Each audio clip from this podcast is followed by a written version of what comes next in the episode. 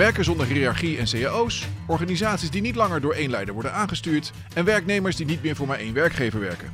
No more business as usual dus. Kun jij je een leven voorstellen zonder de bekende vaste structuren en systemen, waarin niets hetzelfde blijft en alles veranderlijk is? Welkom en leuk dat je luistert naar de Free Minds podcast van Lunar Institute. De podcast waarbij Jean Moens in gesprek gaat met inspirerende vrijdenkers over leiderschap en organisatieontwikkeling. In deze aflevering gaan we het hebben over het concept van de vloeibare samenleving en de impact hiervan op bijvoorbeeld organisatiestructuren, HR-systemen en onderwijs. Jempie gaat hierover in gesprek met Farid Tabarki. Farid is trendwatcher en oprichter van Studio Zeitgeist en is volgens de Volkskrant een van de 200 meest invloedrijke Nederlanders. Nou, van harte welkom Farid. Dankjewel. Uh, in onze podcast over leiderschap en organisatieontwikkeling. Uh, je hebt eerder uh, een rol gehad op ons festival vorig jaar en uh, ook in diverse programma's. Heel tof om jou hier vandaag te gast te hebben. Je bent tijdgeestonderzoeker en adviseur.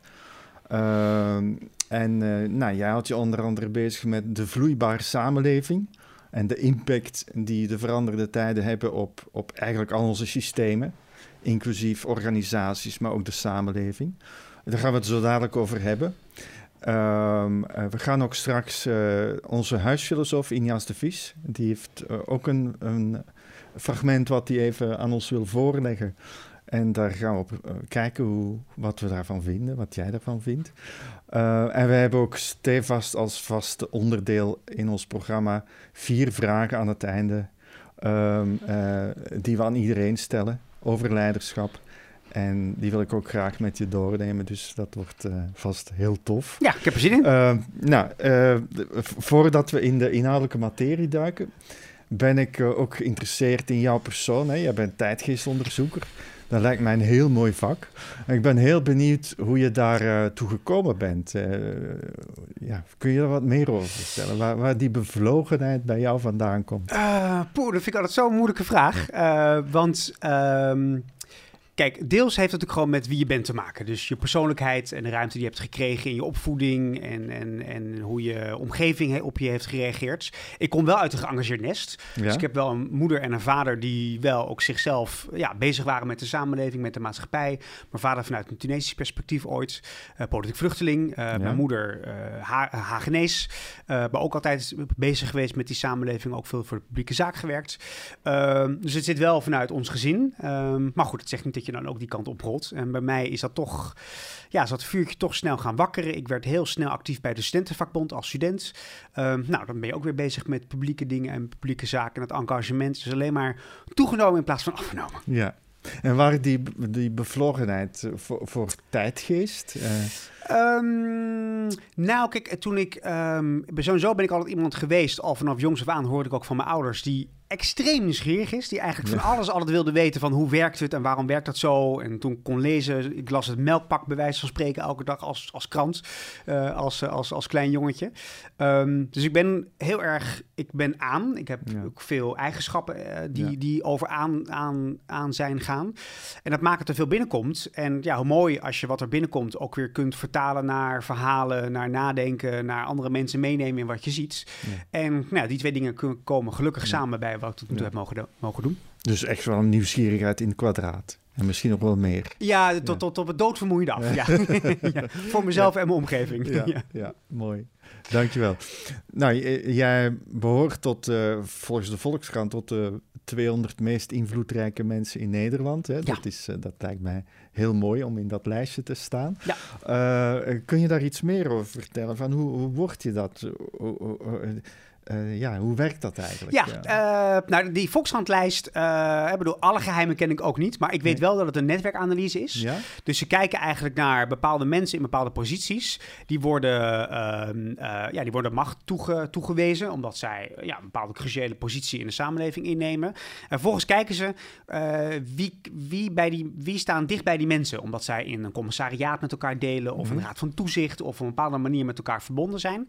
En nou, als je maar met elkaar zo op die manier verbonden bent en hoe dichter je bij de echt belangrijke personen zit, hoe hoger je op de lijst komt. Okay. En, uh, ja. en uh, ja, ik geloof dat ik dit jaar nu voor de zevende keer ja. uh, op die lijst mocht staan. Ja. en als een van de jongens. Dat is dan wel, ja, ja, ja, wel bijzonder. Ja, ja. Mooi man. Ja. Um, nou, de grote uitdaging van organisaties uh, en leiders is volgens jou de uh, overgang naar de vloeibare samenleving, waar we denk ik middenin zitten. Ja. Uh, dus een, jij bent geïnspireerd door Sigmund Bouwman, hè, die dat ooit heeft beschreven. Uh, kun je daar wat meer over? Wat is eigenlijk de essentie van uh, de Fluid Society? Ja, en, ja. Sigmund Bouwman, de Pools-Britse filosoof. Oh, helaas overleden twee jaar geleden, maar nou goed, op hoge leeftijd. En hij heeft mooie boeken achtergelaten en mooi denken. Hij schreef in 2000, dus nu 20 jaar geleden, het boek Liquid Modernity. Niet vertaald naar het Nederlands, helaas. Zou nog een uitgever zich toegeroepen kunnen voelen. Maar laten we het vertalen als de vloeibare moderniteit. En hij probeerde eigenlijk politiek-filosofisch, het is geen praktisch boek, maar politiek-filosofisch, probeerde hij te benaderen wat volgde naar de moderniteit.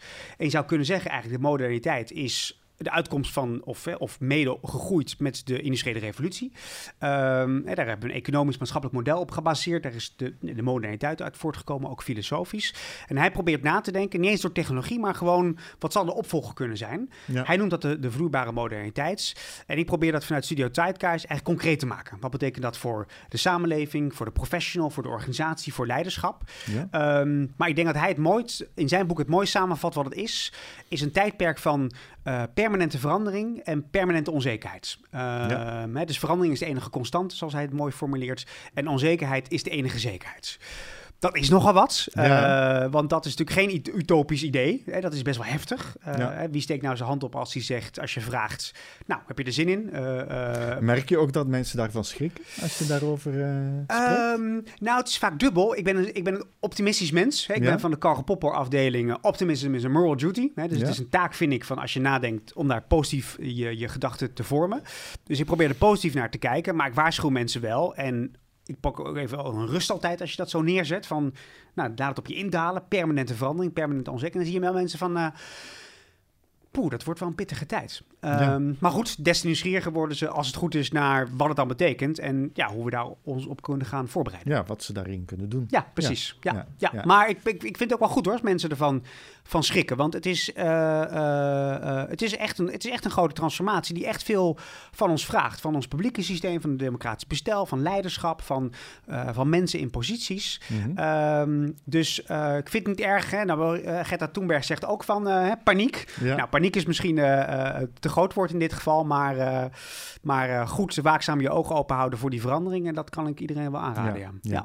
En zie je dan ook organisaties die denken van ja, het zal wel of we zien het wel, of we wachten even af. Ja, dat is ja. met name wat ik ook vaak zie, dat iedereen is het ermee eens, maar uh, om dan daar wat mee te gaan doen, dat ja. is... Uh... Ja. ja, ik zie daar eigenlijk twee categorieën. Hè. Kijk, in, de, in de commerciële wereld Um, zie je organisaties op een gegeven moment, hè, zie je gewoon sectoren vastlopen. Omdat de ontwikkelingen daar zo veranderd zijn, uh, zoveel impact hebben dat ze wel moeten eigenlijk. Hè. Die worden gedwongen omdat hun winstgevendheid en hun duurzame bestaan ja. eigenlijk bevraagd worden. En dat merk je ook heel erg dat bepaalde industrieën gewoon wakker worden en dan beginnen met bellen en beginnen met uh, nou, hè, ons, ons vragen ja. van denk mee met die verandering. Dat herken je volgens mij ook Vanuit een urgentie. Oeh, Precies, weet je van uh, nou ja, over tien jaar bestaan we dan nog. Kijk, bij publieke instellingen is dat natuurlijk veel lastiger, want die bestaan altijd. Ja. Uh, maar ook die moeten natuurlijk zich wel verhouden tot zo'n ander tijdperk met een andere rol van burgers, een andere rol van, van, uh, van ja, solidariteit, algemeen belang. Dus die worden wat mij betreft iets te laat wakker. Ook omdat die urgentie daar natuurlijk lastige vorm te ja. geven is vanuit ja. niet meer bestaan. Maar waarvan je wel hoopt dat het leiderschap en mensen die zich daar druk over maken... wel denken van ja jongens, ook wij moeten blijven aansluiten. Um, dus het is een beetje een mixed bag. Um, ja. En natuurlijk is er altijd een voorhoede in elke sector die echt wel bezig is. In, in onderwijs, in de zorg. Maar helaas zijn er ook wel veel mensen die nog een beetje de kat uit de boom kijken. En zie je daarin nog uh, sectoren die in zijn globaliteit voorop lopen en sectoren die, die meer, uh, dat je denkt van joh, daar, daar zou eens een keer wat ja, mogen, meer vraag. mogen bewegen. Nou, kijk, uh, kijk, toen ik zelf met dit vak begonnen ben, zo'n zo'n tien jaar geleden, toen kwamen heel snel de energiebedrijven al op, mijn pad. Ja? Dat die toen al zagen van nou, andere manieren van energie produceren. Hè, van aansluiting naar ja, co-producent, partners hè, van burgers die mee produceren. Mm -hmm.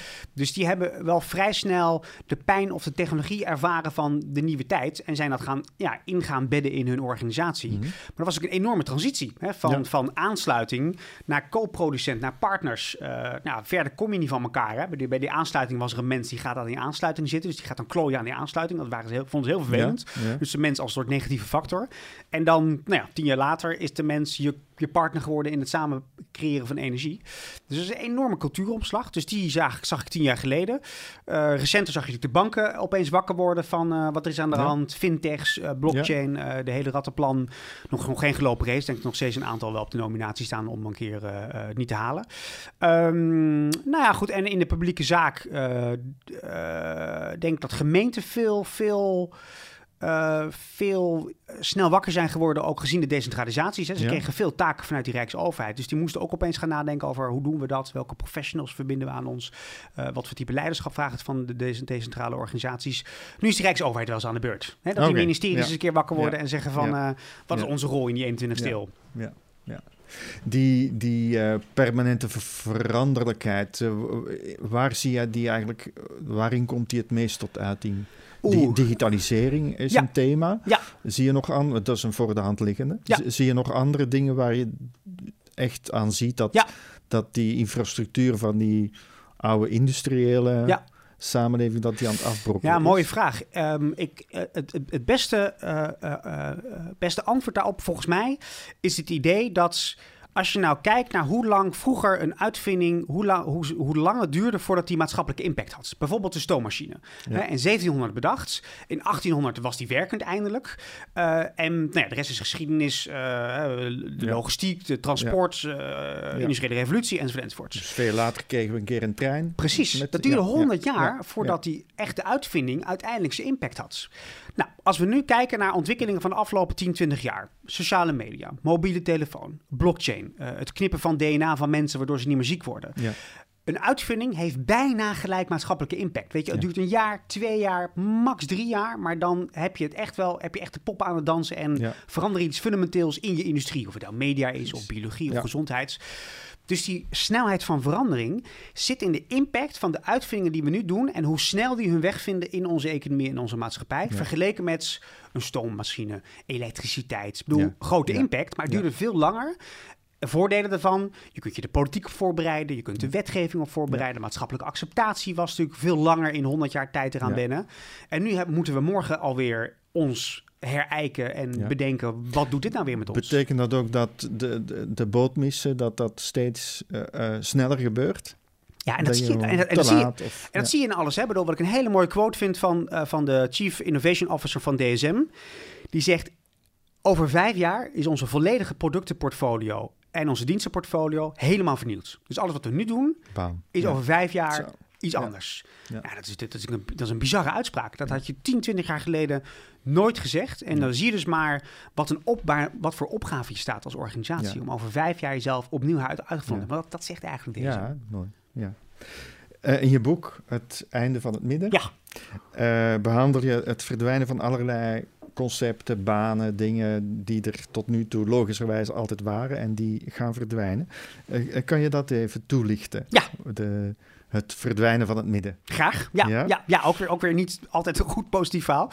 Maar wel, wel de werkelijkheid. En daar laten we ons maar eraan verhouden. Kijk, het einde van het midden is een, is een antwoord toen ik mij die vraag stelde van... Ehm, ja, wat is nou de impact van die vloeibare samenleving, van die vloeibare moderniteit? En nou, die probeer ik op organisatieniveau uit te denken. Ik probeer hem op individueel, professioneel niveau uit te denken. Maar ik wilde starten met wat voor samenleving levert het op? Um, omdat wat je ziet is dat als je direct horizontaal verbinding met elkaar kunt aangaan en dat hiërarchische, dat verticale verlaat als samenleving, dan heeft dat veel impact op die, op die middenpositie. Die altijd een beetje het lijm en de verbindingselementen was tussen de bovenkant en de onderkant. Mm denk aan middenmanagement, uh, middelbaar Denk aan de natiestaat, hè, tussen het Europese en het decentrale lokale bestuur in. Um, maar denk ook aan de, de, de middenstand, hè, het Nederlandse woord voor retail. Um, allemaal posities die heel lang een gegeven waren. En je had een winkel nodig, want hoe kwam je anders aan je product? Je ging niet naar de groothandel. Dat, dat werd, wat werd, werd via die, die middel kocht het in en die winkel verkocht het weer aan jou door. Uh, dus al die posities die vanuit de industriële revolutie en afgelopen 150 jaar super logisch waren, die moeten zichzelf achter de, uh, achter de oren krabben en afvragen van, ja, heb ik nog een toegevoegde waarde in een vloeibare samenleving? Nou, ik ben geen doemdenker. Ik denk dat er heel veel andere type banen voor terugkomen. Uh, natuurlijk heeft die natiestaat nog een rol te spelen als verbinder tussen dat lokale en dat Europese internationale waar je op wil te organiseren. Maar het is een andere rol dan de rol die je had omdat je er gewoon was, omdat je nodig was. Die, die, dat, die, die essentiële rol van die winkel, die verdwijnt, dat zien we. Um, ja, wat doen we dan met de leefbaarheid van onze steden en dorpen, hè, waar die winkels verdwijnen in de winkelstraat? Wat doen we met een natiestaat die nu nog heel belangrijk is, maar zichzelf eigenlijk steeds facilitairder moet opstellen tussen dat lokale en dat internationale? Dat kan, maar dat is een hele andere rol dan nu. Dus daar moeten ze zich wel toe verhouden. Nou, Het einde van het midden probeert na te denken over uh, hoe ziet dan zo'n nieuw tijdperk met nieuwe verbindingen uit, weten dat je ook veel moet loslaten. Ja, ja, ja, ja. Dat is wel een van de kern gedachte. Dat je ook moet dingen loslaten om te kunnen veranderen. Ja, kijk, wat ik heel mooi vond in Bouwman, dat hij zei van die vloeibare samenleving. Nou, denk aan de zee, denk aan een zwembad. Um, en denk nu even aan al die bagage die wij nu meekrijgen. In het onderwijs, in ons leven, in hoe we tot nu toe door het leven mhm. gegaan zijn met elkaar en als samenleving. Dan hebben we nu zoveel bagage in die rugzak van ons. En dan spring je dat diepe in. En dan verzink je bijna aan kennis en aan de verkeerde vaardigheden en talenten die ontwikkeld zijn voor die nieuwe tijd. Dus um, ik probeer ook altijd te benadrukken: ja, we moeten allerlei nieuwe dingen leren in relatie tot technologie, tot wat er nu van gevraagd is. Maar we moeten ook echt dingen ontleren. We moeten echt dingen loslaten, ook niet meer kunnen. Dat kunnen we nu anders oplossen, deels door technologie. Dus laten we dat loslaten, waardoor de ruimte vrijkomt om op, op een andere manier die relaties aan te gaan en een rol te spelen. Ja. Brengt mij op de vraag, uh, observatie die, die wij ook hebben uh, in organisaties. Ja. Uh, dat heel veel bedrijven zijn met die verandering bezig. En wij zien daar ook, ik noem dat stapelgedrag ontstaan. Ze stapelen de, de ene uh, initiatief. We moeten wat met, met blockchain. We moeten, we moeten een app maken. We, ze, ze gaan stapelen. Alles wordt prio. Hè? Alles wordt heel belangrijk. En het moet snel. Hè? Een beetje ook wat je zegt van, joh, anders mis je de boot misschien. En uh, wat wij zien is dat organisaties daardoor enorm veel complexiteit toevoegen.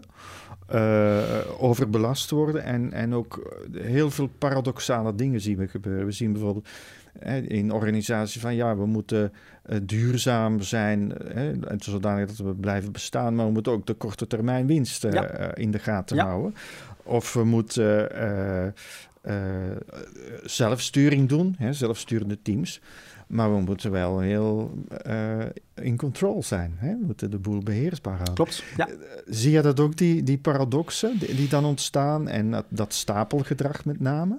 Ja, e, e, extreem herkenbaar. Hè? Bedoel, ik, dat stapelen vind ik een heel mooi voorbeeld van die jij geeft. Als het gaat over die rugzak die te vol is. Hè? Bedoel, ja, ja, en op een gegeven moment, nou, kom nog maar eens met een prio, mooi woord trouwens. Uh, uh, uh, en daar verzuip je natuurlijk in. En de grap is natuurlijk dat het, het gaat om het tegenovergestelde. Hè? Ik noem dat zelf de beweging van product naar betekenis.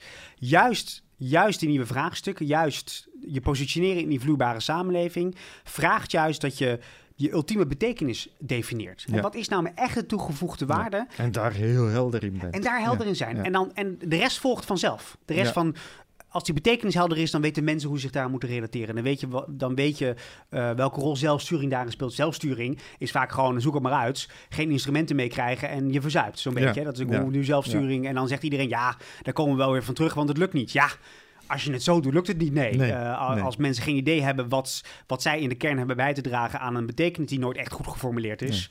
Hoe ga je dan zelf sturen? met, met, met, met, welke ideeën en met welke, met, welke, met welke instrumenten? Dus ik denk dat daar heel veel ja, echt grote fouten worden gemaakt. Dus dat precies wat jij zegt, zelfsturing in principe natuurlijk een fantastisch dus fenomeen. Dat is ook een, een pleidooi dus om uh, bezig te zijn, actief bezig te zijn met verandering, maar wel op een heel uh, bewuste manier. Ja. En niet alles zomaar gaan veranderen, omdat het nu eenmaal zo hoog. Heel erg. Weet je, het, het, mooie is juist, en, en kijk, en dat is nou, dat, en dat is ook geen makkelijke opgave. Afvragen waar je voor bent en waarom je ergens voor bent. Dat is een hele heftige vraag. En uh, die vraag, je kan makkelijker nog eens een priootje maken en snel wat dingen implementeren. Dan even een stap terugzetten en eens met elkaar nadenken over. Ja, het is allemaal leuk en aardig die afgelopen twintig jaar. Maar is dat nou wat de komende twintig jaar nog relevant is? Dat is een heel ander type gesprek die we ook ja, de tijd ook vaak niet nemen om dat te gaan doen. Dus, dus de tijd zit er gewoon in, in verder die takenlijst lekker vol zetten. Maar juist een stap terugzetten en eens nadenken over wat is het nou allemaal.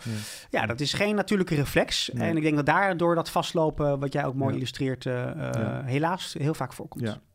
Even een, een stapje naar leiderschap. Wat, wat zie je als je even hoog over bekijkt in die veranderde tijden en wat er te doen is? Wat zie je als de belangrijkste uitdaging voor de de managers, de leiders van, uh, van vandaag. Ja, nou ja, goed, ik, ik denk eh, dat het vorige onderwerp hier heel mooi op NATO op aansluit. Ja. Ik denk wat, wat, ik, wat ik van een leider verwacht en van leiderschap verwacht, is precies dit. Is dus de, de, de tijd creëren voor jezelf en voor je organisatie om hier ergens bij stil te staan. Wat is nou die betekenis van dat, van dat energie... Als je, als, je niet terug, als je niet nadenkt over de betekenis van een energiebedrijf... Mhm. in een tijdperk waarin iedereen energieproducent geworden is...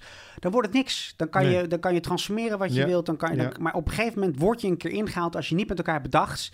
ja, maar zo gaat het ongeveer uitzien. En gaan wij ons nu stapje voor stapje voorbereiden op die nieuwe tijd... en gaan we daar een actieve rol in spelen. Dus ik denk dat leiderschap voor een deel gaat over uh, ja, tijd creëren... voor jezelf en met elkaar in de organisatie om dat, om, dat, ehm, om dat te bevragen, om dat met elkaar eh, te gaan organiseren. Dat is niet wat je morgen doet, hè? Dat is niet wat je in één, mm. één sessietje even op, opgelost. Niet even een dagje op de hei. Nee, ook. Uh, Maar dat is structureel met elkaar een proces ingaan... waarin de ruimte is om dat gesprek met elkaar te voeren. En dat is de, denk ik de enige manier om ja, voldoende stip op de horizon te hebben... waardoor je uiteindelijk energie creëert. Mooi mooi. Nou, een andere observatie is, en die wil ik ook graag even met jou bespreken, even toetsen, is dat we zien dat uh, in organisaties uh, uh, steeds vaker een andere taal ontstaat. Meer een gevoelstaal ook. Oh ja, ja. ik vind het heel bijzonder dat directieteams bijvoorbeeld ook andere thema's op de, op de kaart zetten. Kwetsbaarheid, ruimte maken voor verbinding, empathie, hoor ik steeds vaker in de boardrooms. Ja. Uh, samen, zingeving, hè, je noemde het al purpose. Uh, zie je dat als een structurele ontwikkeling, waarvan we wellicht aan het begin staan? Of denk je, nou, dat waait misschien nog wel over? nou, ik denk van niet, maar dat komt omdat... Ik, waar, waar komt dit nu vandaan? Ik, ik denk dat dit vandaan komt omdat Kijk, voor een heel groot deel waren die organisaties van ons industriële fabrieken nog steeds.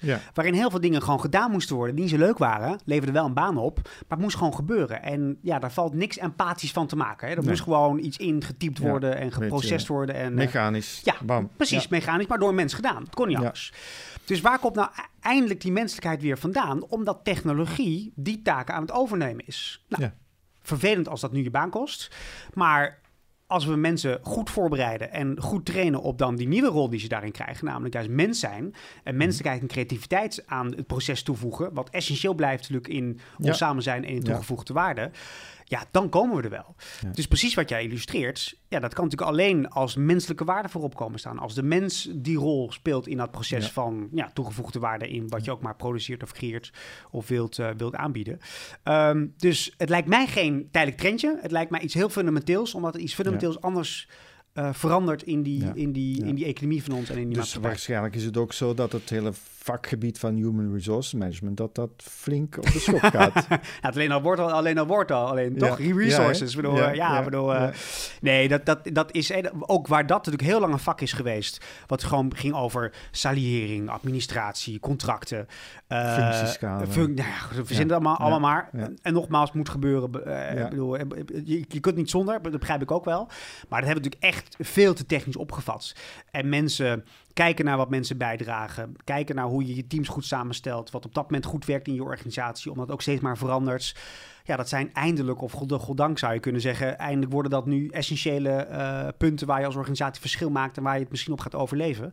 Dus ik denk dat HR een fantastisch vak weer aan het worden is hierdoor. Ja. Uh, mits je het op die manier met elkaar gaat, uh, gaat, gaat organiseren. En dan is het ook heel leuk om dat ook nog dan vast te leggen... in een contract en salariering en dat soort vraagstukken, toch? Maar dat lijkt mij een randvoorwaarde in plaats van dat, ja, die positie die het heel lang had. Ja. ja. Mooi. Ja. We gaan even luisteren, als je het goed vindt, naar uh, Leuk, India's de Vis. Ja. ja. Hier komt uh, India's. Goeiedag, mijn naam is Injas de Vis. Ik ben uh, professor medische filosofie en ethiek en ik lever ook af en toe bijdrage voor Lunar.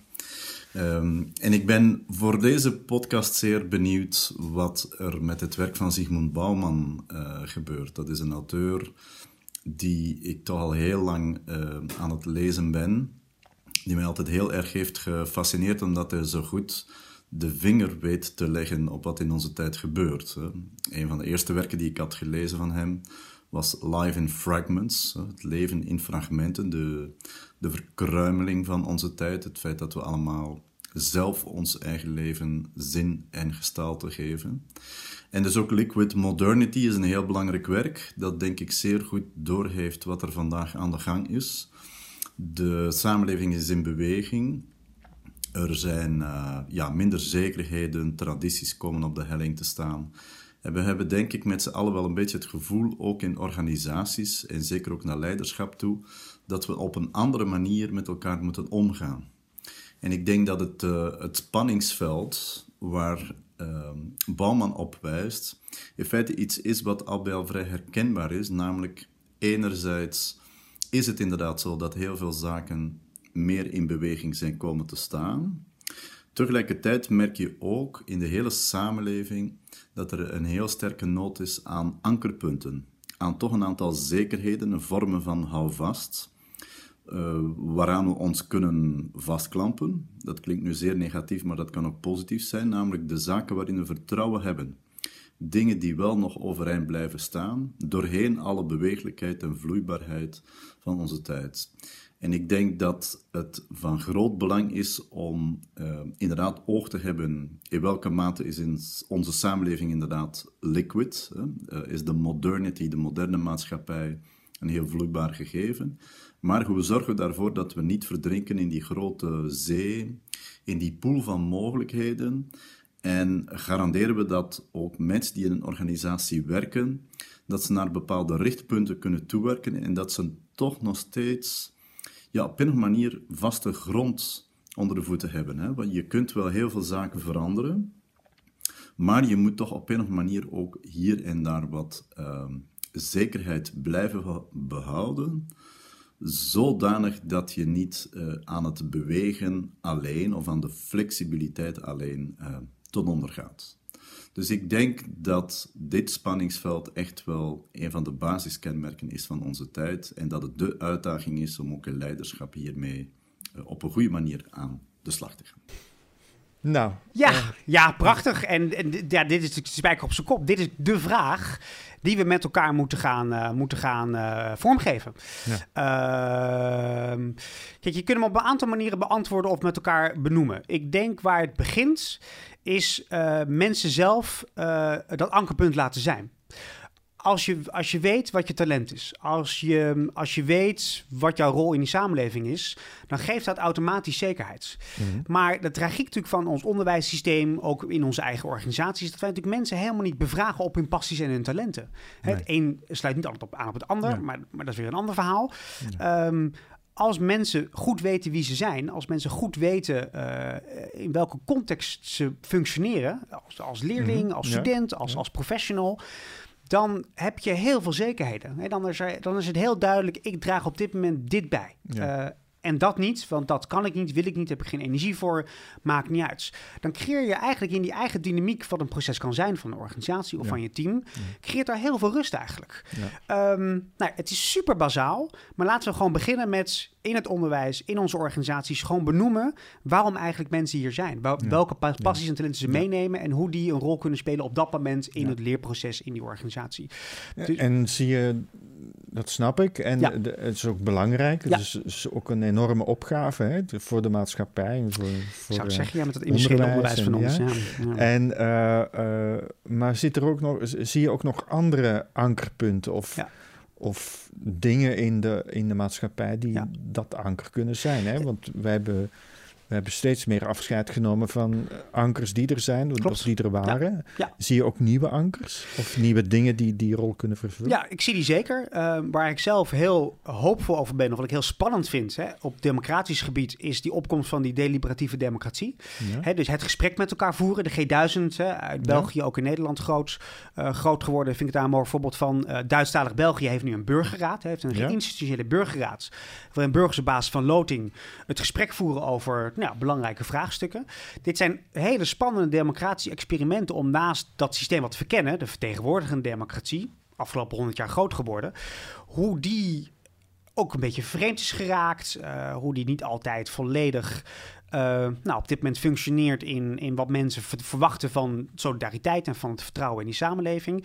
Dus ik, ja, ik zie wel allerlei positieve voorbeelden van mogen, ja, manieren om mensen op bepaalde manieren toch te betrekken bij, bij die veranderingen. en, en, ook dat geeft houvast. Ja.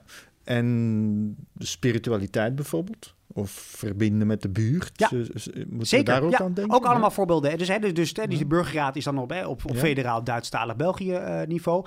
Maar zeker al die, al die uh, initiatieven die we zien... waarin ja, burgers met elkaar op een bepaald lokaal niveau... aan de slag gaan met leefbaarheid, met, met de energietransitie. ik denk dat er heel veel energie vrijkomt en is gekomen... door de mogelijkheden die we nu hebben. Het enige wat, waar we natuurlijk wel voor op, op moeten passen... ik ben een positief mens... Tegelijkertijd, ja, we moeten wel uitkijken dat mensen daar wel bij kunnen blijven. Ja, ja, Dus, dus die nieuwe vormen van organiseren zijn spannend. Maar laten we wel ervoor opletten dat we zijn vrij ver gekomen in het bestaande organiseren van onze democratie. Dat heel veel mensen daar onderdeel van kunnen zijn. Dat het een heel inclusief is. Uh, waar we voor moeten uitkijken bij de experimenten bij de nieuwe vormen, is dat dat nog steeds wel een algemeen belang blijft dienen. In plaats van hele particuliere belangen. Van een paar mensen die zich maar ja, die, die er drugs over maken en daarmee uh, eigenlijk met de poeten vandoor gaan. Um, uh, nou goed, bedoel, daar moet je gewoon okay. opletten. Dat, dat lijkt me een oplosbaar probleem, maar daar moeten we wel scherp op blijven. Ik wil even met jou naar de millennials. Ja. Uh, millennials zijn, ja, zou je zeggen, fluide opgegroeid. Hè? Die kennen al die oude systemen niet nee, en hebben er uh, geen ballast. Geen last van. Nee. uh, en toch zie je heel veel, met name bij jonge mensen, veel stress, ja. veel burn-out. Ja, zelfs bij, bij scholieren. Hè? hoe zie jij dat? Hoe kijk jij hier naar? Nou, ik denk dat zij echt het slachtoffer zijn van, van inderdaad uh, en niet de heritage meenemen van het systeem, maar ze hebben wel met het systeem te maken. Hè, zij komen natuurlijk nog in organisaties terecht die nog niet helemaal op de nieuwe tijd zijn ingericht. Ze hebben natuurlijk ook vanuit onderwijs nog niet die passie en talenten bij zichzelf ontdekt. Hè, Dus ook over ankerpunten gesproken. Dit is een generatie die daarom snakt uh, ze juist zou moeten krijgen, omdat zij de, degene met de meeste impact hebben op die vloeibare samenleving en die samenleving op hun. Uh, dus ik denk dat we juist hun wel uh, nou, slecht hebben voorbereid op de tijd die er nu, die, waar zij nu midden in terechtkomen, maar waarin ze op zoek gaan naar hun vastigheid en hun positie daarin. Ja. dus ik vind dat we ze slecht hebben voorbereid. Mm en ik denk dat daar ook een deel van, uh, van die burn-out en van die vraagstukken die nu bij hen leven wel boven komen. Uh, uh, tegelijkertijd, ja, ze moeten er maar wat van maken. En laten we ervoor zorgen dat we in ieder geval in onze organisaties hen wel de ankerpunten geven en wel de manieren geven om met al die nieuwe mogelijkheden om te gaan. Want ze brengen natuurlijk ook heel veel mee in die organisatie van ons. Ja. Ze, ja. ze, hebben dat nieuwe denken al in zich eigenlijk. Dus als we dat nou weten te verbinden met de oudere generaties, dan kunnen we een mooi pact sluiten binnen onze organisatie om echt naar ja. uh, het volgende niveau te komen Precies. met elkaar. En ook daar ligt bij het onderwijs weer een uitdaging. Ja, beide. Om, hè, om dat, dat, dat is ja. een taak hoe we dat binnen onze organisatie organiseren. Nou, die, die generaties echt aan elkaar zien te verbinden. Dat ze elkaar gaan mentoren. Hè, dat die oudere generatie iets meegeven aan de nieuwe generatie. Maar de nieuwe mm. generatie heeft superveel overdragen aan die oude generatie. Want je moet nog wel even mee, hè? 45 plus. En je hebt niet alles van die digitale tijd meegekregen -hmm. als je op die leeftijd zit.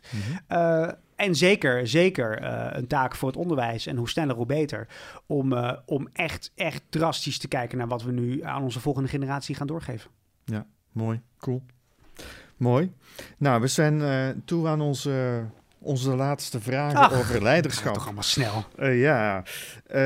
nou, mijn eerste vraag is: wat zou elke leider volgens jou moeten weten of doen om helemaal uh, aangesloten te zijn bij het nu? Ja, nou, mijn boek lezen? Uh, nee, wat moet een leider echt doen? Um, ik denk dat een leider, kijk, niet iedereen. Um, hij staat altijd aan en heeft al die sensoren waardoor hij of zij kan, kan nou, kan doorvoelen wat er eigenlijk de komende tijd uh, aan zit te komen. Mm-hmm. Maar ik denk dat een leider wel verantwoordelijk gesteld kan worden en zich verantwoordelijk moet voelen voor het om zich heen organiseren, hem of haar, mm-hmm. uh, in zijn organisatie, buiten zijn organisatie, van mensen en van manieren om ja, die stip aan de horizon daar een beeld van te krijgen. Ja. Uh, je hoeft hem niet alles zelf in je hoofd te hebben, als je hem maar om je heen organiseert en met elkaar dat beeld creëert. Dus ik denk dat een, dat een leider, dat leiderschap gaat over gezamenlijk dat beeld creëren over wat is nou de hand in die samenleving en welke impact heeft dat op onze afdeling, op onze organisatie en hoe gaan we daar ons toe verhouden? Ja. Uh, lijkt me fantastisch. En daarvoor de ruimte scheppen ja. om dat ook mogelijk nou, waar we net over hadden. Ja, dus dus, dus de tijds creëren, de tijd maken, de tijd geven aan mensen en aan jezelf en aan je team om dat, om dat bespreekbaar te maken, om daar, om daar, en dat hoeft allemaal niet puur filosofisch, dat kan ook heel praktisch maken over welke, wie voelt zich verantwoordelijk, wie heeft de energie voor op, op dit moment iets te verzamelen of iets in te vliegen of iets te bedenken. Ehm, maar uh, ja, dat, dat, daar, jij bent wel degene die die ruimte creëert en die dat een belangrijk onderwerp moet vinden. En tegelijkertijd ben je dan ook, denk ik, een ankerpunt. Ja, nou ja, dat ben je zeker. Alleen de, de, de, de grap is wel. Um, Um, um, uh, misschien dat nog eens wat ik aan wil raden aan leiders. Uh, uh, kijk, naar, kijk naar The Avengers. Hè, dat is een film. die kwam vorig jaar uit.